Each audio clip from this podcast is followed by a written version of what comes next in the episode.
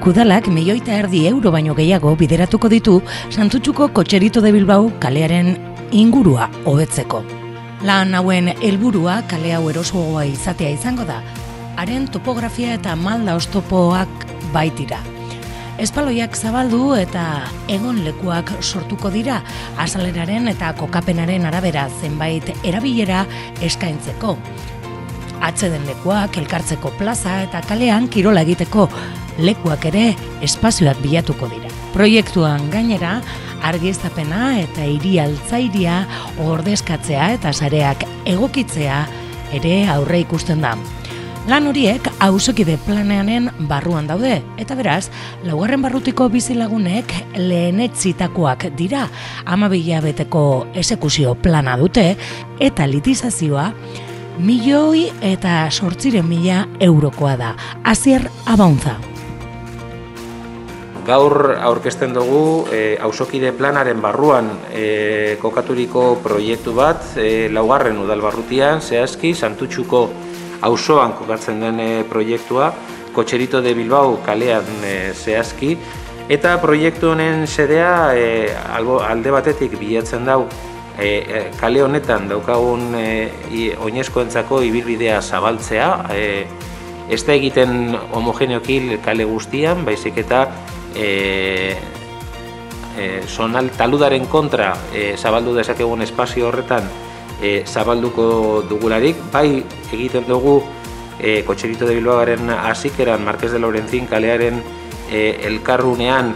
e, espaloiaren zabalkuntza bat e, aparkalekuak e, murriztuz, bakarrik hasierako tarte horretan, eta bestean e, gorantzagoa zela mantentzen dugu 2 metroko zabalera hori eta gitxinaka gitxinaka eta aukera daukagun enean zabaltzen goaz e, oinezkoentzako bilbide hori lau metroko zabalera dun e, espaloi bat lortzen dugun puntura arte. Bestalde gaur egun berton e, kotxerito de bilo kalean hiru plaza dauzkagu e, eta goiko partean ba, ikuspegi zabala daukan sonalde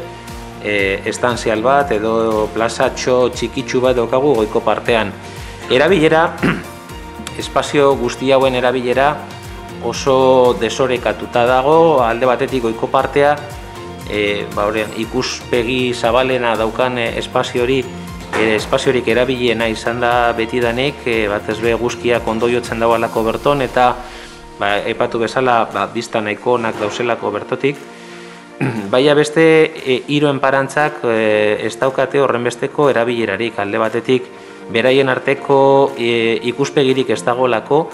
eta sonalde nahiko ilunak e, direlako e, gaur egun. Alde horretatik e, espazio hoien ganean egiten dugu interbentzioa gehien bat, alde batetik eta Marquez de Lorentzinetik gorantza goazela lehenengo plazatxoan kirol egiteko sonalde barria sortzen dugu eta espazio hori zabaldu egiten dugu e, eta e, gora hauen dauen dauzen beste bi plazatxoak alkartu egiten ditugu, lotu egiten ditugu, beraien arteko e, ikusteko aukera e, zabaltzen e, dugularik eta bebai e, espazio hauek daukaten ba, eguzki e, argia jasotzeko aukera bebai zabaltzen edo handitzen dugularik berton dauzen arbolen e, ba, bermoldak eta bateri esker, E, aipatu bezala, plazatxo bi hauek bebai eraldatu egiten ditugu, mobiliario barria erabilita, eta azkenik, e,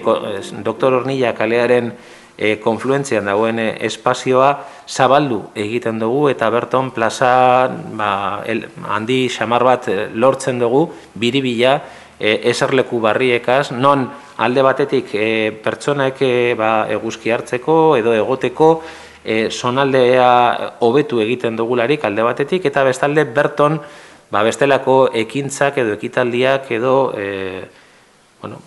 evento ezberdinak gerta daitezkelarik e, aipatu bezala plaza publiko baten itxura eukingo daugalako, bestalde ba, txurdina gainean dauen e, ikuspuntu e, hori e, sendotu egiten dugularik e, espazio horretan. Guztira proiektu honek milioi bat eta sortxiron da berrogeta bos mila euroko aurrekontua dauka eta amabi hilabeteko EPA e, berau e, burutzeko.